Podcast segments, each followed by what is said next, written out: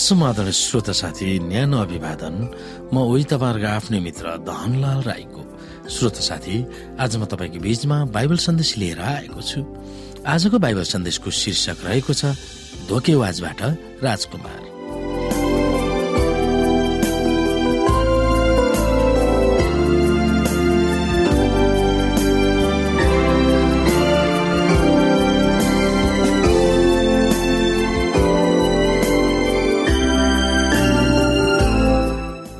श्रोत साथी सानैदेखि याकुबले परमेश्वरलाई प्रेम गर्थे र उहाँको भय मान्थे। त्यही पनि उनी आफ्नी आमा रिबेकासँग मिलेर बुबालाई धोका दिन तल्लो नैतिक स्तरमा घट्न पुगेका थिए। उनले आफ्नो बुबाले दिनै ज्येष्ठ अधिकार खोसेका थिए। त्यसको अर्थ जब उनी ठुलो भए उनको जीवन गलत बाटोमा लाग्न थालेको थियो। दाजुको रिस खप्न नसकेर आफ्नो छिटो मृत्युबाट भाग्न आमाको सल्लाह मान्न उनलाई कर लागेको थियो। यहाँ उत्पत्ति सत्ताइस अध्यायको एकचालिसदेखि पैतालिसमा लेखिएको छ आफ्ना पिताले याकुबलाई दिएको त्यस आशिषले गर्दा एसाबले तिनीसँग दुश्मनी गर्न लागे र एसाबले मन भने भने मेरा पिताको मर्ने बेला नजिकै आइपुगेको छ त्यसपछि म मेरो भाइ याकुबलाई मार्नेछु तर तिनका जेठा छोरा एसाबको यो कुरा रिबेका कहाँ पुग्यो। यसकारण रिबेकाले आफ्ना कान्छा छोरा याकुबलाई बोलाएर भनिन् हेर तेरो दाजु एसाबले तलाई मार्ने विचार गरेर आफ्नो चित्त बुझाएको छ। यसकारण ए छोरो मैले भनेको कुरा मान। त हारानमा मेरा दाजु लाभन कहाँ भागेर जा। र तेरो दाजुको रिस नमरुन्जेल केही दिन त्यहाँ उनीसँग बस।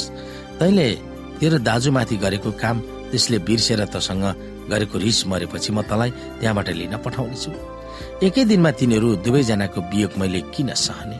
केही दिन होइन याकु बिस वर्ष आफ्नो घरबाट भाग्नु परेको थियो। र उनको आफ्नो बाँकी जीवनमा आफ्नी आमाको मुख कहिले पनि हेर्न पाएनन्। हामीले गलत निर्णय गरे तापनि परमेश्वरको अनुग्रहबाट हामी टाढिनु आवश्यक छैन। याकुबलाई के भयो र त्यसबाट हामीले पनि के आत्मिक पाठहरू सिक्न सक्छौँ? यहाँनिर हामी हेर्न सक्छौँ त्यस रात याकुब उठेर तिनका दुई पत्नी दुई कमारी र एघारै छोराहरूलाई लिएर एबोक नदी तरे। तिनले तिनीहरूलाई खोलाको पारी पठाएपछि त्यसै गरी तिनले आफूसित भएका सबै कुरा पनि पठाए। यसरी याकुब चाहिँ एक्लै छोडिए। अनि एकजना व्यक्ति उज्यालो नहुन्जेल तिनीसित कुस्ती लडे। यी व्यक्तिले याकुबलाई जित्न नसकेका देखेर याकुबका कम्मरको खोक्रो भाग छोए र उनीसित कुस्ती लड्दा लड्दै याकुबको कम्मरको गेडी खुस्क्यो। तब ती व्यक्तिले भने उज्यालो हुन लाग्यो मलाई जान देऊ। तर याकुबले भने मलाई आशीर्वाद नदिउन्जेल म तपाईँलाई जान दिन्न। उनले तिनलाई भने तिम्रो नाउँ के हो? तिनले भने याकुब। त्यस व्यक्तिले भने अब उपरान्त तिम्रो नाउँ याकुब होइन तर इजरायल हुनेछ किनभने तिमीले परमेश्वर र मानिसहरूसँग लडन त गर्यो अनि विजय पनि भयो। तब याकुबले उनलाई सोधे बिन्ती छ मलाई भन्नुहोस् तपाईँको नाउँ के हो? तर उनले उत्तर दिए मेरो नाउँ तिमी किन सोध्छौ? अनि उनले तिनलाई आशीर्वाद दिए। यसकारण याकुबले त्यस ठाउँको नाउँ पनियल राखे किनकि परमेश्वरको सन्मुखै परे तापनि मेरो ज्यान बच्यो भने तिनले भने। तिनको कम्मरले गर्दा तिनी खोच्याइ खोच्याइ हिँडेर पनियल नागिसक्दा सूर्योदय भयो। तिनको कम्मरको नसो छोइएको हुनाले आजसम्म इसरायलीहरू कम्मरको नसो खाँदैनन्। श्रोत साथी अपमान र तिरस्कार भोगेका पश्चाताप र आत्मसमर्पण गरेका यस पापी भुल गर्ने नासवान व्यक्ति स्वर्गको राजासँग कुस्ती खेलेर जित्न पुगेका थिए। उनले परमेश्वरका प्रतिज्ञाहरूमा आफ्नो ढलपल भएको जीवनलाई पक्रिराखे र अनन्तको प्रेमले ज्वरो गाडिएको हृदयले पापीको पुकारालाई पन्छाउन सकेन। आफूले गल्ती गरेर ज्येष्ठ अधिकार खोसेको गलत कामप्रति आफू कतिको पापी रहेछु भनेर याकुबले स्पष्ट रूपमा बुझ्न पाएका थिए। उनले परमेश्वरका प्रतिज्ञाहरूमाथि विश्वास गरेका थिएनन्। बरु आफ्नै प्रयासले हतार हतारमा आफ्नो दाजुको अधिकार खोजे। जुन परमेश्वरले उहाँको समयमा र उहाँकै तरिकाले उनलाई उपलब्ध गराउने थिए। तब त्यस रातको अनुभवले याकुबको हृदयले चाहेको आशिष उनले पाएका थिए। उनी धोकेबाज र जबरजस्ती हात पार्ने भनेर कमाएको नाउको पापको क्षमा उनले पाएका थिए। हामीले उत्पत्ति उन्चास अध्यायको उन्तिसदेखि तेत्तिसलाई हेरौँ भने याकुब विदेशमा भएकोले कनान देशमा आफ्नो अधिकार नभएको महसुस गरेका थिए।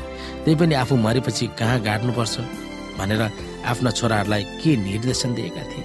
उनलाई गाड्ने गुफामा अरू को को गाडिएका थिए? आफूलाई पनि त्यही गाड्न निर्देशन याकुबले किन दिए होला? हामी यहाँ उन्तिसदेखि हेर्छौँ। तब तिनले तिनीहरूलाई यो आज्ञा दिए म त मेरा मानिसहरू कहाँ मिल्न जान लागेको छु। यति एप्रोनको खेतमा भएको ओडारमा मेरा पिता पुर्खाहरूका साथमा मलाई गाड। अर्थात् कनान देशमा ममरे नेरको मकपेलाको खेतमा भएको ओडार जो अब्राहमले हित्ती एप्रोनको हातबाट खेतसम्म चियान बनाउनलाई किनेका थिए त्यही नै उनीहरूले अब्राहम र तिनकी पत्नी सारालाई गाडेका थिए। र त्यही नै उनीहरूले इसाक र उनकी पत्नी रिबेकालाई पनि गाडेका थिए। त्यही नै मैले लेहालाई गाडे।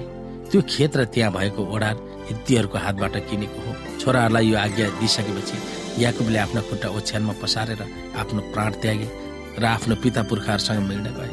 यिनै पुर्खा र तिनीहरूका पत्नीहरू एउटै गुफामा गाडेका थिए भनेर बाइबलले हामीलाई बताउँदछ। परमेश्वरमाथिको विश्वास याकुबको बलियो थियो र आफू यस संसारमा अपरिचित र तीर्थ यात्री थिए भनेर स्वीकारेका थिए। उनले गलत काम गरे तापनि आफ्नो घरबाट खाली हात भागेका थिए तर जब उनी फर्के उनी धनात्य भएर फर्केका थिए।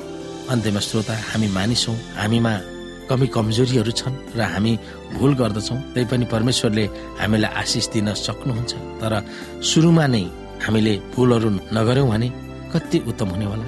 अहिले तपाईँले निर्णयहरू गर्नु परेको छ र गलत निर्णयहरू गर्नबाट हामी कसरी जोगिन सक्छौँ? यी विषयहरूमा हामी सोच्न सक्दछौँ।